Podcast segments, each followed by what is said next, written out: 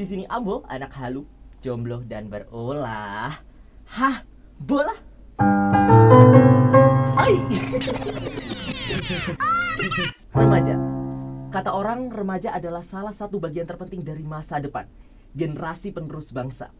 Melansir dari Women, Children and Adolescent Health, per tahun 2022 ada sekitar 1,8 miliar remaja di seluruh dunia.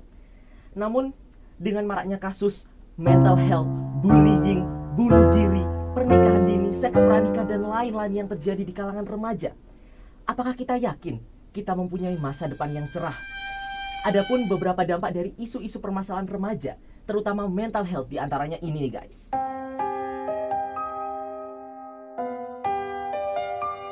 Oleh karena itu guys sekalian, di Hari Pendidikan Nasional ini, aku bakalan bertukar pikiran mengenai isu-isu keresahan remaja, terutama mengenai mental health bersama Tara ada Kak Jessica selaku Duta Genre Kota Surabaya tahun 2022 dan Kak Alan selaku Duta Genre Kota Surabaya 2023. Selamat pagi Kak. Ini. Iya. Boleh, boleh, boleh. Oke, bagaimana kabarnya hari ini Kak? Alhamdulillah baik. Alhamdulillah baik, Baik. sih. Alhamdulillah baik. Gimana Kak? Rasanya menyandang gelar Duta Genre Kota Surabaya? Apakah memetisasi ataukah kayak banyak programnya? Apa yang dilakukan sehari-hari? Mungkin bisa dijelaskan secara singkat pengalamannya? Mungkin duta genre terbaru. Oh, dari saya dulu mungkin ya. Kalau sekarang mungkin karena sudah punya tanggung jawab baru ya, Mbak ya. Jadi lo jalan langkah itu semakin diperhitungkan gitu. Kalau dulu kan kita ngelangkah bebas gitu ya, pisu-pisuan di jalan biasa. Kalau sekarang ya lebih terarah gitu. Lebih. Ya, ya, itu aja sih kalau yang merubah. Baik, kalau kayak aktivitasnya gimana? Mungkin Kak Jessica bisa jelaskan. Aku sudah lengser sebenarnya. gitu. Sudah lengser. Sudah lengser, Iya. lengser to legend. Aku serahkan kepada Alan. Iya. Nah, sekarang aku lagi di insan genre. Nah, insan genre ini lebih lebih mencondong lagi gitu. Nanti abis ini kita akan menyasar 19.184 remaja untuk dikasih virus-virus genre terkait life skill dan pencegahan anemia gitu. Kak Jessica dan Kak Alan. Pada saat masa remaja itu kan ada perubahan hormon dari anak-anak menuju dewasa ya, yang menyebabkan pikiran kita itu sering bercampur aduk kayak bubur ayam gitu. Bener bener. Iya iya iya. iya. Setelah itu juga mood kita itu sering berubah-ubah dan berujung pada mental health. Ya. Walaupun itu isu sudah sejak zaman Fir'aun sih kak. Namun di masa sekarang banyak sekali remaja yang aku lihat itu cenderung suka melebih-lebihkan mental health kayak Ah, iya. dikit-dikit dikaitkan dengan aduh mental healthku kena nih. Atau bahkan ada tuh yang mengekspos di sosial media Betul, betul. dengan penuh kebanggaan dan berujung pada mempengaruhi remaja lainnya. Betul. bahkan sampai orang yang benar-benar memiliki mental health sendiri itu itu posisinya jadi buram di antara remaja masa kini.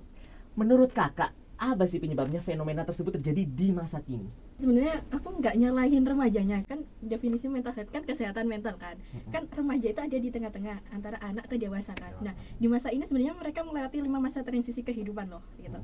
Nah di situ eh, kalau di modul modulnya anak genre itu kita ada ada bab di mana kita belajar tentang emosi Eh, kita meng- mengeluarkan emosi lah emosi itu kan nggak cuma marah doang kan Benar. tapi ada Benar. susah senang sedih kita utarakan di situ jadi eh, menurutku mm, ketika mereka ngomong mental health ya ya oke oke aja toh mereka juga lagi Bisa lihat lagi ada di di posisi-posisi itu sambil kita imbangi nih dengan dengan 10 life skill yang direkomendasikan sama WHO. Oh, Jadi ketika mereka ada di posisi uh, mental health mereka sudah punya pegangan oh ya uh, life skillku ini berarti cara mengolah emosi bagaimana cara cara kita mengeluarkan apa yang ada, Ada di ya, diri kita itu gimana panduan Heeh, jadi ya oke oke aja asal mereka benar-benar mendefinisikan mental health dengan dengan baik gitu loh Kalau aku mungkin nambahin jawabannya Jessica terkait sama pertanyaan Ambo tadi tentang kenapa kok dilebih-lebihkan gitu ya. iya Mungkin kalau aku Terutama di masa sekarang. Di masa sekarang. Iya. Mungkin kalau menurut aku beberapa remaja khususnya aku juga pernah merasakan sendiri bahwa orang yang punya mental health ini keren gitu loh kamu.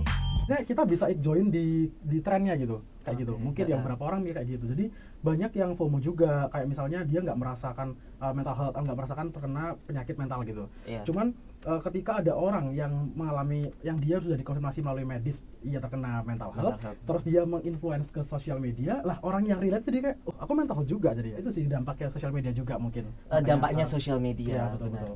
karena kan memang setauku itu eh, isu mental health pada saat zaman orang tua kita yang biasanya kita dengar dari cerita orang tua kita itu nggak pernah kayak sengebum dan separah sekarang itu berarti Betul. juga karena efek dari sosial media ya Iya. Bagaimana menurut kakak? Apakah anak zaman sekarang itu karena adanya sosial media dan fasilitas teknologi yang tersedia itu mentalnya jadi sedikit lebih lemah? Ataukah karena memang tantangan zamannya sudah berubah? Menurut kakak gimana? menurutku eh, zaman bapak ibu kami itu kan sebenarnya sudah ada kan masalah masalah tentang kesehatan mental Ya, kayak gitu kan. Cuma istilahnya aja nggak ada pada Ya, waktu dulu kan. Iya. nggak ada istilah mental health terus Ah. apa boba dulu ya nggak ada kan. Gitu. baru baru zaman zaman kita ada mental health gitu. Contohnya aja di Surabaya. Surabaya kan udah punya pusat pelayanan keluarga pembelajaran Iya. keluarga Ah. Surabaya tagline-nya adalah em, kota layak anak dunia benar benar kan Tagline-nya adalah kota, Kota layak. layak dunia. Nah, oke. di situ kan kita ini loh sudah dikasih eh, sebuah fasilitas untuk mengekspresikan diri kita. Ketika kita sudah punya misalkan oh aku tanda-tandai kayak gini, kita udah dipunya ruang gitu loh. Oke, Kayak contohnya ada Pick Air, ada Genre, ada Puspaga, ada yang lain-lain gitu. Jadi bukan melebih-lebihkan, tapi karena memang kita eh, kan fasilitas dikasihkan kita. Yuk kita itu kan Memanfaatkan. fasilitas. Memanfaatkan. Itu kalau menurutku. Oke, kalau menurutku pribadi Ambo ya. Iya. Eh, mungkin kalau untuk eh, mereka manja karena sosial media atau lain sebagainya mungkin lebih ke kayak pendidikan dari orang tua itu sendiri mungkin ya yang berdampak ke eh, mental health itu sendiri karena eh, sejauh ini pasien atau orang-orang yang pernah aku tangani kebanyakan Iya. mental health yang eh, penyakit mental yang mereka alami atau yang mereka dapat itu didapatkan dari keluarga Dari Nah, keluarga. ya keluarga nah mungkin setelah mereka mendapatkan penyakit mental tadi terus juga bingung mencari ke mana tempat pelarian Iya. larinya ke sosial media Nah, kayak ikut-ikutan sama teman-teman oh teman-temannya apa namanya yang gini-gini self abuse gitu-gitu Iya, kan diupload upload nah, cutting cutting kan diupload upload mungkin merasa keren merasa dapat simpati dari orang-orang itu sih. Mungkin kayak kurang simpati kurang perhatian. Jadi cari ini Jadi itu adalah salah satu bentuk mereka untuk uh, mencari perhatian, Benar, Emosi mereka. Tapi bagaimana nih kak caranya untuk kita para remaja yang menonton kontennya mereka Hmm. itu untuk supaya tidak terpengaruh? Karena kan ada juga tuh yang di sosial media tipenya kontennya bukan hanya mengekspos mental health mereka tapi juga berusaha mempengaruhi remaja lain untuk ayo ikutan tren mental health ekspresikan mentalmu aja nggak apa-apa. Tapi jadinya malah kelewat batas mungkin dari kak Lan dulu Oke, Kak. kalau dari aku sendiri ya, lebih ke kayak gimana cara diri sendiri dulu untuk bisa men-skat diri dari uh, hal-hal negatif. Itu yang pertama. Yang kedua, itu lebih dari pengaruh lingkungannya sih. Kayak misalnya di genre nih, kita ber- berlingkungan atau berkolaborasi bersama genre, ya berarti kita bakal mengarah ke yang benar kayak gitu. Dan yang terakhir adalah em, lebih ke kayak ibadah sih.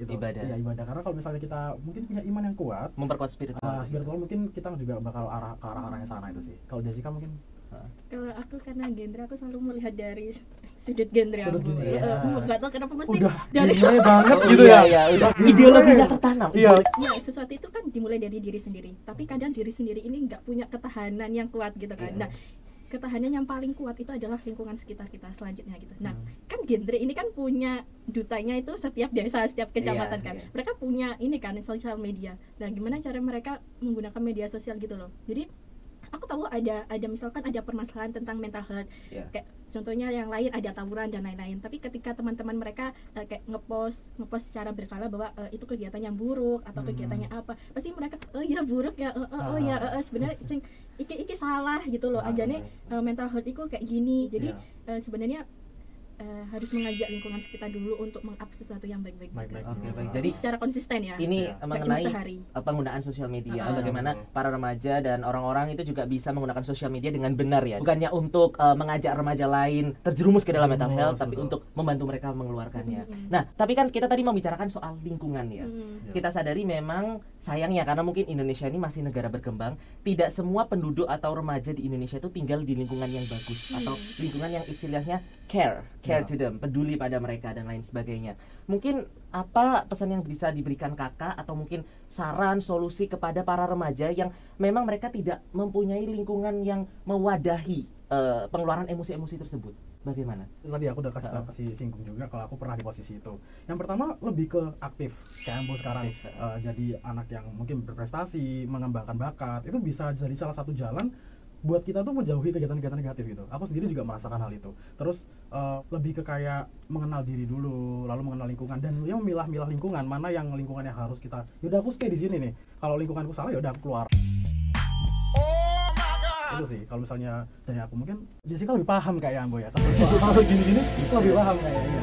kalau aku lihat dari dua sudut ya Bob. Iya. Iya. Kalau Ambo ingat di acara terakhir kita di Balbut itu kan di bawah ada kayak gini kan Ambo. Tapi ini voice apa sih eh, gambar yang berbicara gitu loh. Oh, Nah iya. sebenarnya itu itu contohnya adalah sebuah media di mana anak-anak itu itu nggak bisa mengeluarkan emosi gitu loh. Nggak nggak bisa mengeluarkan Hmm, Karena emosi lingkungan dan secara langsung kepada kami gitu. Tapi akhirnya kami membadahi oke kalian bisa nih gambar sesuatu gitu. Tapi gambarnya yang bervoice ya gitu. Maksudnya Hmm. yang bisa mengeluarkan isi hatinya mereka dengan gambar dengan tulisan gitu. Nah kalau kemarin Ambo lihat di situ itu ada gambar uh, AC ya. Jadi mereka tuh sebenarnya cuma pengen AC gitu loh Oh. pengen punya AC oke, oke, gitu. oke, Terus paham. ada juga mereka menggambarkan eh, sekelompok remaja gitu. Maksud dari mereka adalah mereka ingin keluar dari zona mereka yang sekarang, ingin berada di lingkungan yang lebih baik gitu. Lingkungan lebih baik. eh, itu itu salah satu media yang bisa kita buat gitu. Kalau versi dari orang lain contoh organisasi genre gitu kita bisa menyasar kok seluruh di Surabaya atau kita bisa berkolaborasi penuh aksi dengan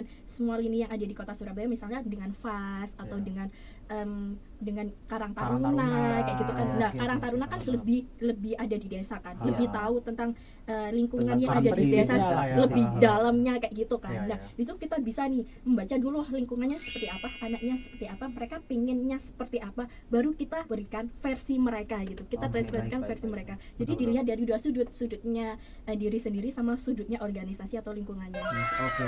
Benar-benar. Kalau saya pribadi ya, banyak mereka-mereka remaja-remaja ini yang lebih mudah cerita ke kita, ke Iya. konselor, sebenarnya daripada ke orang tuanya sendiri, ke orang terdekatnya sendiri. Itu sih kalau eh, apa ya masalah yang masih banyak gitu, Ambo. Mungkin eh, kalau misalnya kalian yang menonton sedang berada dalam lingkungan tersebut atau circle tersebut bisa dicoba tadi seperti mengekspresikan dengan cara menggambar Ya, atau melalui objek dan diberikan emosinya supaya segala emosi tersebut keluar atau mungkin bisa dicoba untuk berorganisasi dan benar, benar. tapi kan kadang mereka itu kan lebih malu kan kalau ujuk-ujuk ujuk-ujuk itu bahasa Indonesia ya bu Ah, moro-moro kayak tiba-tiba maksudnya tiba-tiba iya maksudnya di situ Tiba-tiba. kayak kalau misalnya tiba-tiba Iya. tiba-tiba kita ada di lingkungan yang kurang baik ya terus Hmm. ujuk-ujuk tiba-tiba masuk ke, ini ya. Karang Taruna Ah, gitu ah. Nah itu pasti didawai kan Ambu. Iya. ada stigma kamu stigma yang problem, jelek ah, gitu iya, kan nah problem-problem Eh, eh, gitu. salah satu hal yang bisa dilakukan pertama kali itu membuat objek sesuatu objek eh, kayak gambar yang bisa berbicara gitu loh. Nah, Iya. gambar yang secara bisa eh, eh, eh, individual dulu. Eh, eh, eh. Ini sepertinya pembicaraan kita sudah jadi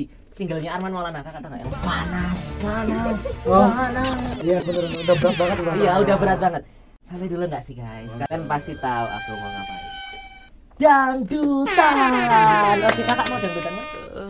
Mau mau Jessica nih di rumah suka joget-joget Tapi kok kok di sini kelihatan mas Rambo? iya eh, lihat situasi Situasi, oh kondisi. gitu. Lihat situasi Yura Yunita mungkin yang tutur batin. Hmm. Oh, itu kan boleh, boleh. lagu tentang remaja zaman sekarang ya, tentang Iya. ketidaksempurnaan. bahwa manusia yang paling sempurna adalah dia yang tidak sempurna. Wazek, Cuaks. salam super, cuak. Mendadak jadi Mario Dendi guys. Eh, Mario Teguh maksudnya Mario Teguh. salah server ya iya salah server. Mario Dendi kan ya. Iya, ya, oke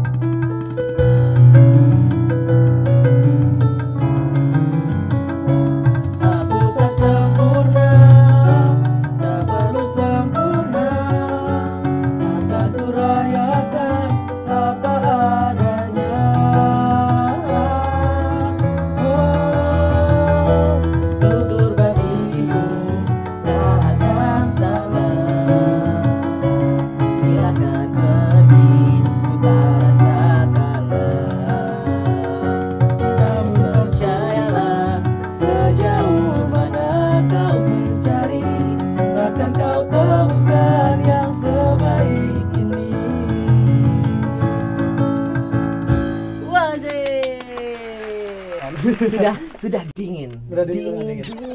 Kita kan tadi sudah membicarakan dari sisi remajanya ya. Betul, betul. Sekarang mari kita bicarakan sisi orang tuanya. Kita roasting tuh para orang tua. Nggak, nggak, bercanda ya Bapak Ibu ya. Maaf ya, maaf Pak. jadi takutnya pulang-pulang di dipanggil loh, stop Loh, loh, berbahaya guys. Berbahaya. Enggak, enggak, enggak. Iya, iya. Kita Nggak, nggak, nggak. sharing-sharing Kita sharing saja ya, sharing. Profesi remaja untuk orang tua. Orang tua. Baik. Nah kak, dikutip dari survei Indonesia Adolescent Mental Health 2022, ada lebih dari 80% kasus remaja yang di mana ketika mereka memiliki mental health itu, orang tuanya itu menganggap sepele atau bahkan gak peduli bahwa anaknya itu memiliki mental health. Tuh kasihan guys, udah gak dipeduliin crushnya, orang tuanya juga ngajarin. berat ya. ya ada berat ya. ya waduh Nah, Kak, bagaimana sih cara bilang ke orang tua yang mereka memang benar-benar keras atau bahkan menganggap sepele kasus mental health ini bahwa, "Mah, Pa, eh, masalahku mental healthku itu beneran ada. Itu bagaimana? Karena kadang tuh susah sekali loh bilang ke orang tua yang memang Valid, memiliki valid. sifat seperti itu. Betul betul betul. Bagaimana Kak? orang tua aku nggak pernah ya. Istilahnya dia generasi sama tuh. Jauh lah maksudnya tapi Generasi masih X. bisa menerima gitu loh. Kalau aku- orang tua aku benar-benar menolak yang namanya kayak gitu-gitu. Dan eh, awal awal mula ya uh, Ambo ya gimana aku bisa menjerumuskan orang tua aku ke po- poin-poin positif dari mental health kepentingan mental tadi itu aku ngobrol langsung nah sebelum ngobrol langsung ini gimana sih? Aku cerita dulu ke Jessica waktu itu ke Jessica. Terus juga aku ikutin orang tua aku ke ini loh parenting parenting gitu-gitu kan Oke. banyak tuh, karena di Surabaya di ada. Surabaya kan banyak parenting parenting terus juga acara-acara kayak kelas inspiratif itu kan banyak banget di Surabaya kan. Karena aku juga punya adik dua. Nah posisinya aku takut mereka tuh sama apa, merasakan hal yang sama kayak aku rasakan itu loh. Oke. nah setelah mereka dapat parenting otak mereka sudah maaf mereka beliau. Beliau. Otak eh, otak Para otak orang ya otak otak beliau ini sudah mulai terbuka orang tua saya barulah saya masuk dengan cara menyampaikan wah selama ini aku gini gini gini loh tapi jujur keberanian diri dulu sih karena kalau aku nggak berani sama diriku sendiri nggak berani sama apa yang aku ucapkan sendiri aku nggak bakal bisa buat ngomong itu mungkin pertama yang harus dilakuin oleh remaja-remaja di luar sana mungkin yang nonton hari ini Iya Gitu iya iya benar-benar karena memang kuncinya dalam mengekspresikan emosi sendiri adalah komunikasi. Benar, benar, benar. Kita membutuhkan sesuatu media untuk kita keluarkan emosinya, untuk kita ajak bicara. Salah satunya adalah orang tua. Bagaimana kalau versi Kak Jessica? Eh, mungkin versiku lebih edukatif ya maksudnya eh, kalau Alan tadi menggunakan Aku real life-nya kisah gitu ya, ya. real life-nya. Iya. aku pengen menjawabnya versi anak genre Versi gitu. genre. Gitu. Aku kan tadi bilang kan ya remaja itu melewati lima masa transisi kehidupan kan Apa aja itu kalau boleh dijelaskan? satu mau membantu satu lo ayo Kayaknya kamu sudah mulai ya beginilah kami Beginilah. ya Oke oke. berkehidupan sehat, Sehat. melanjutkan pendidikan eh, mencari pekerjaan menikah Eh, ini tuh berkehidupan berkeluarga yang terakhir ini bermasyarakat. nah itu kan lima masa transisi, Transisi ya ya. lima masa transisi yang akan dilewati nah kita juga mengenal yang namanya pendewasaan usia perkawinan Hmm. kita juga mengenal yang namanya eh iki tiga bulan sebelum menikah catin harus mendapatkan edukasi gitu. Ya. nah di di tiga poin itu sebenarnya kita diajarin ketika nanti menjadi orang tua itu harus bagaimana Harus gitu. bagaimana. harus eh, iya eh, kita kita menjadi orang tua nanti itu harus lebih eh, aware kepada anaknya. Kita diberikan eh, pelatihan tentang menjadi orang tua baik itu eh, sebelum menikah saat sudah menikah saat hamil eh, setelah melahirkan kita didampingi ambo gitu. Kita diberikan materi-materi itu. Salah satu materinya adalah eh, cara cara ngobrol efektif terhadap orang tua. Oke. itu tuh Oh, ada nih ya. kemarin itu terakhir kali Puspaga ngadain ini. Di situ itu materi-materinya itu bener-bener uh, relate yang banget, seharusnya ya. dimiliki oleh orang tua kayak Benar, gitu Iya iya iya. itu kan versi orang tua nih Versi orang tua. Nah, kalau versi siswa eh versi, Versi siswa, remajanya. remaja, Remaja.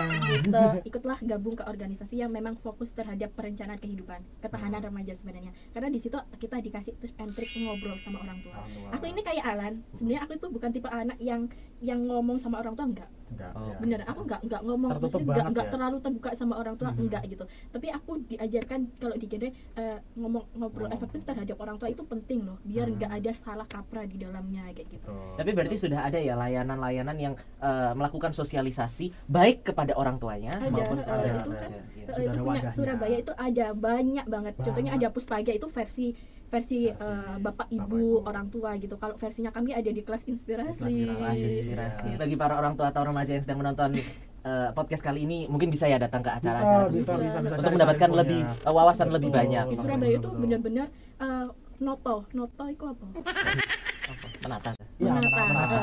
menata anak-anak Surabaya ini mempersiapkan, eh, mempersiapkan kehidupan berencana, Berencana, ber- eh, berencana. menjadi berencana gitu loh Jadi Baik, keren jadi, Surabaya Eh, meminimalisir kasus-kasus seperti yang Betul. Bener. mental health terpuruk karena kita tidak mau mendiskusikan masalah dengan orang tua itu makin diminimalisir. Iya, Betul, heeh. betul banget. Karena kalau dari sudut pandangku sih Kak, itu memang kerja dua belah pihak itu adalah usaha dua belah pihak karena Iya, benar, benar. ada banyak juga loh kasus di mana ketika kita mendiskusikan masalah dengan orang tua kita, orang tua kita itu malah menganggap sepele. Jadi kitanya tuh kayak nggak mau diskusi karena buat Benar. apa gitu loh orang tua menganggap sepele. capek buat. Itu- itu malah mau membuat- terbuka lagi Iya, malah membuat anak semakin tertutup. Benar, Oleh karena itu dibutuhkan kerja atau usaha dari dua belah pihak. Remaja remajanya juga mau Juga aktif sebenarnya Aktif. Orang tuanya juga mau menerima. Oke. Nah, setelah itu Kak, plot dari para remaja itu kan biasanya berawal dari mental health menuju ke depresi dan berujung melakukan hal-hal yang negatif. Hmm. Contohnya seperti ada bullying, Ya. vandalisme dan tawuran bahkan sampai bunuh diri Ya. atau ada yang menonton dan melakukan aktivitas pornografi. Loh itu kok ada yang senyum-senyum itu nontonnya itu. Hmm, sah sekali. Sus ya, Nah, sus ya. sus sekali ya. Bercanda bercanda.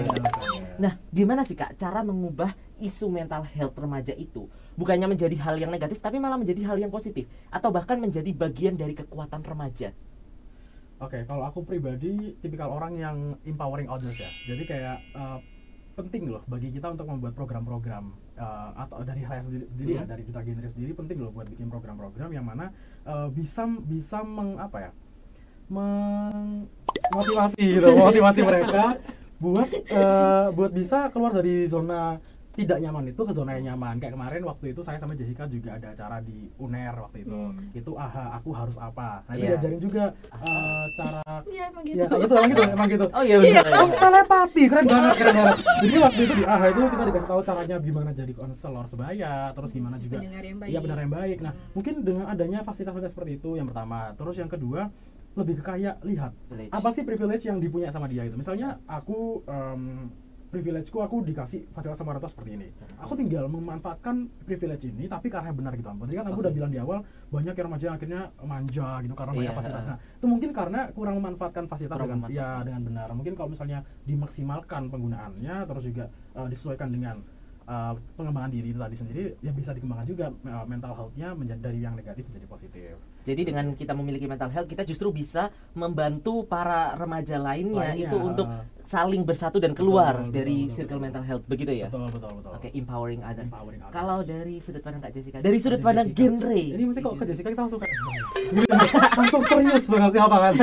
tidak apa, tidak apa, tidak apa. Oh ya, oke. Baik, baik. Ibu genre kita. ya. Aku kan udah bilang dari awal kalau mental health itu gak bisa dilepas dari remaja. Lepas, ya, Benar, benar, memang. Ah, anak genre ini punya modul namanya modul tentang kita, Modul kita. tapi di upgrade Upgrade berbicara lebih jauh tentang life skill dan kekerasan seksual. Nah, aku pengen meng-highlight di eh, 10 life skill life ini skill, gitu. iya. Di life skill itu kan ada 10 nih rekomendasi dari WHO. Salah satu di situ kan kita juga berbicara tentang mental health, lalu solusinya adalah cara mengelola emosi gitu. Emosi. Nah, di situ kita diajari, oh ya, em, kalau kita punya emosi, aku itu tipe orang yang KB-KB dipikirin. Semua-semua Oh, di- overthinking. ya, overthinking. Overthinking. Heeh, ya. Overthinking. gitu sampai ada suatu momen di mana aku itu butuh materi tapi aku nggak tahu materi apa hmm, hmm. tapi terus akhirnya terjawab sudah di modul tentang kita upgrade di situ kita belajar tentang mengelola emosi jadi aku dikasih pelatihan cara mengelola emosi di situ aku mengeluarkan semuanya hal yang aku suka kelebihan aku siapa yang memotivasi aku aku pengen gede pengen Hmm. jadi apa hal-hal yang pengen aku lakukan apa hal rintangan-rintangan apa di situ aku tuliskan dalam sebuah tulisan gitu Hmm, juga banyak permainan-permainan lain yang bisa meng- mengekspresikan emosi kita gitu. Jadi Oke. kita eh, mental health bukan dilihat dari sisi negatif tapi di sisi positif. Dari Karena kita berbicara tentang mental health, jadi kita bisa tahu Cara mengubahnya menjadi eh, eh, sesuatu, sesuatu yang yang, baik. baik. Kan eh, teman-teman kan juga eh, punya emosi yang berbeda-beda kan. Nah, gimana Baik, kita benar, cara eh, menangkap eh, emosi mereka tapi nggak nggak nggak meloroi hati mereka apa sih bahasa Indonesia? Bahasa Indonesia ngelarani. Meloroi hati, nggak Menyakiti nyakiti, hati. Ya, nggak ya, menyakiti ya. Nggak menyinggung, nggak nggak menyinggung hati. gitu. Makanya aku suka banget sama dunia ketahanan remaja gitu loh jadi semua itu di sisi positifkan semua gitu. semua diarahkan ke sisi positif, Ya. baik bagi diri sendiri maupun, bagi masyarakat. Baik, setelah itu dengan adanya globalisasi sekarang tuh kan banyak juga faktor-faktor eksternal yang Hmm. memengaruhi mental health remaja. Contohnya insecure melihat prestasi orang di sosial media atau tuntutan lingkungan, orang tua, mungkin apa anak tetangga. Itu lihat sih, sopo Tony umur 25 tahun udah jadi menteri, kamu mau jadi apa? Karena kan kita tahu zaman sekarang tuh mengalami sebuah percepatan, terutama dengan adanya teknologi Hmm. Yang menyebabkan remaja itu harus balapan. Nah, masuk aku sih. Aku juga juga ini valid ya. Valid. Kita semua ternyata Iya. mengalami hal yang sama. Mm-mm, Iya. mm-mm. Tapi justru dengan percepatan ini tidak sedikit remaja yang bukannya malah mencapai kesuksesan, kesehatan mental mereka yang malah jadi zonk. Nah, gimana cara supaya faktor-faktor eksternal tadi seperti insecure melihat uh, orang lain, sosial media dan lain sebagainya itu tidak memengaruhi mental health remaja kita? Apakah harus kita tidak pedulikan ataukah kita harus berdamai? berdamai sama diri. Berdamai. Iya, berdamai sama diri. Ambo, Versi di genre ini ya. kan semua anak remaja ini kan diarahkan untuk semua itu berencana. Kita pengen sekolah di mana, kita gede pengen jadi apa. Nah, aku itu sudah sudah menuliskan bahwasanya 10 tahun lagi itu aku pengen jadi apa? Eh, lima tahun lagi aja deh. Eh, Ojo ojo aduh aduh sih. ya. Ojo ojo ojo. Lima tahun lagi. Misalkan Oke. aku pengen ada di genre, aku pengen jadi duta genre, aku pengen jadi ketua insan genre, habis itu aku pengen ada di provinsi. Iya. Terus aku pengen bekerja di DP Iya. 5A atau bekerja di BKKBN. Nah, kesalahannya remaja terutama aku pada waktu itu oke eh, misalkan goalnya aku pengen jadi kabit daldo kabit dan Ah, KS ah. misal ya gitu nah aku ini uh, mikirnya langsung di kepala dinasnya gitu seharusnya mereka ini uh, memporsirkan mereka jadi dipeta-petain dulu gitu loh Oke. tahun ini aku harus uh, ikut ini dulu tahun ini aku harus lulus S2 dulu Jadi tahun eh, ini harus justru dengan dulu percepatan percepatan zaman bukannya kita malah mengamini kita malah balapan tapi nanti kesehatan mentalnya jadi drop. Heeh. Lebih baik kita memulai secara perlahan. Heeh. Nah kesalahanku yang kedua itu aku ngelihat eh, senior-senior aku kan sudah pada hebat nih ya. Aku Nah, kayak gini, itu, itu. aduh, aduh, isok nggak ya, isok nggak ya, Iya, iya, isok, iya. isok nggak sih gitu. Terus kadang senior aku kan eh, berkegiatan lebih luas lagi kan. Lebih luas. Kok aku nggak dijak gitu? Apa apa kurangin ya aku gitu loh. Waktu aku ngefasil itu ada yang salah atau aku nggak diajak diajak. gitu loh. Nah itu itu kan versi yang anak-anak banget gitu loh. Tapi setelah aku masuk ke genre lebih jauh lagi ya, Bu, ya aku pikirannya anak-anak cak gitu. Kan semua itu kan berproses kan. Semua itu berproses. semua itu berproses gitu loh. Nah ketika kamu berproses perlahan-lahan kamu bakalan naik ke tangga kedua, tangga ketiga, Oke. keempat sampai Berarti kuncinya adalah finishnya. berdamai dan berproses.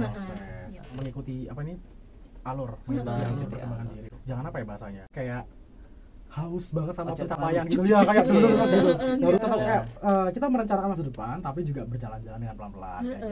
gitu. jadi nggak nggak akan kita juga Jadi kita boleh melihat masa depan tapi jangan lupakan hari ini. betul. Iya, eh, betul. kalau Jadi- kita langsung jujuk lihat yang di finalnya ya, Betul. gitu. kita stres sumpah. Iya. Aku tuh stres gitu sampai aku berhari-hari deh kamu. Jadi Apa sih Karena- aku? Jadi beban di otak gitu loh. udah aku. goals-nya gitu ya. Udah goalsnya nggak lihat itu-itunya Hmm, yang benar-benar. lain. Baik. Untuk yang terakhir nih, apa pesan yang bisa diberikan kakak-kakak sebagai duta genre kepada para remaja di luar sana yang sedang memegang kertas rancangan masa depan Wow. dan sedang mengalami problematika-problematika tersebut di masa Iya, iya, iya. sekarang? Mungkin dari Kak Alan dulu. Oke, kalau aku pribadi eh, di sini sebelumnya em, aku mau bilang makasih banget buat remaja-remaja di luar sana yang lagi nonton, Ambo juga, Jessica dan sebagainya, yang masih kuat untuk melawan eh, ketakutan diri sendiri dan juga masih berani buat mengekspresikan diri.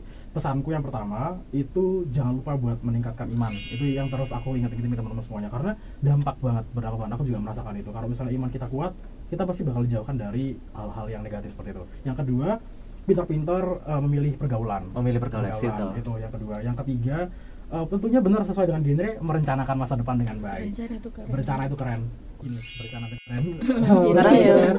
berencana Lalu, itu. ya yang keempat em, know your worth and make it works terakhir tahu apa value kamu dan buat itu menjadi nyata kayak gitu misalnya value aku aku ter- aku pinter di bidang fashion designer ya udah aku jadi fashion designer kayak gitu kayak Oke. Ambo punya pengala- punya kemampuan di bidang public speaking Public yang speaking. sangat sangat keren semuanya.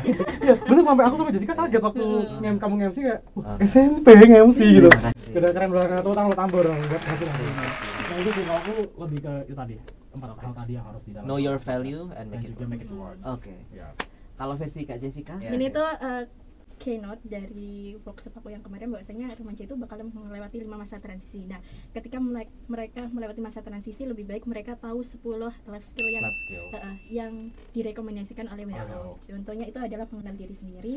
em, ini apa? Mengelola emosi, berpikir kritis, berpikir kreatif, terus membuat keputusan hubungan interpersonal jadi cara mereka untuk eh, bersosialisasi Bersosialisasi. kayak gitu terus eh, berempati habis itu komunikasi efektif dan ini dua terakhir ini berkaitan dengan mental health yaitu eh, cara mengelola stres atau emosi stress terus habis itu memecahkan masalah jadi eh, seharusnya eh, bukan seharusnya aku merekomendasikan bahwa remaja-remaja eh, belajar tentang 10 life 10 skill life gitu. skill ini. Skill. Karena ini adalah life skill dasar yang memang harus dimiliki remaja. Eh, untuk melewati lima masa transisi kehidupan. Oke, wah sih, wah terima kasih banyak Kak Jessica. Oh, iya. Terima kasih sudah mau hadir di podcast Ahmola dan memberikan apa ya secercah pencerahan pada hari ini.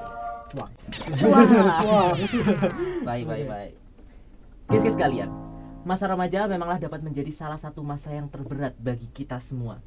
Namun jangan khawatir, karena bahkan aku, kamu, dia, Kak Jessica dan Kak Alan, anak tetangga, orang tua kita dan seluruh orang di dunia itu pernah menjadi remaja dan pernah atau sedang merasakan tantangan-tantangan yang ada di masa remaja. Jadi, mari kita buktikan pada lingkungan kita, pada orang tua kita, dan pada dunia bahwa kita, para remaja, dapat menjadikan masa depan lebih cerah dengan menjadi diri kita sendiri. Wazik. Jadi, kita kisah sekalian. Oh iya pantun. Silakan pantunnya. Oke. tetap semangat udah langsung dulu mas ya. Loh, aku kan Aku ya kaget loh. Ayo. Tetap, tetap semangat, semangat wahai remaja. Jadikan masa depan versi kita. Keren, keren, keren, keren.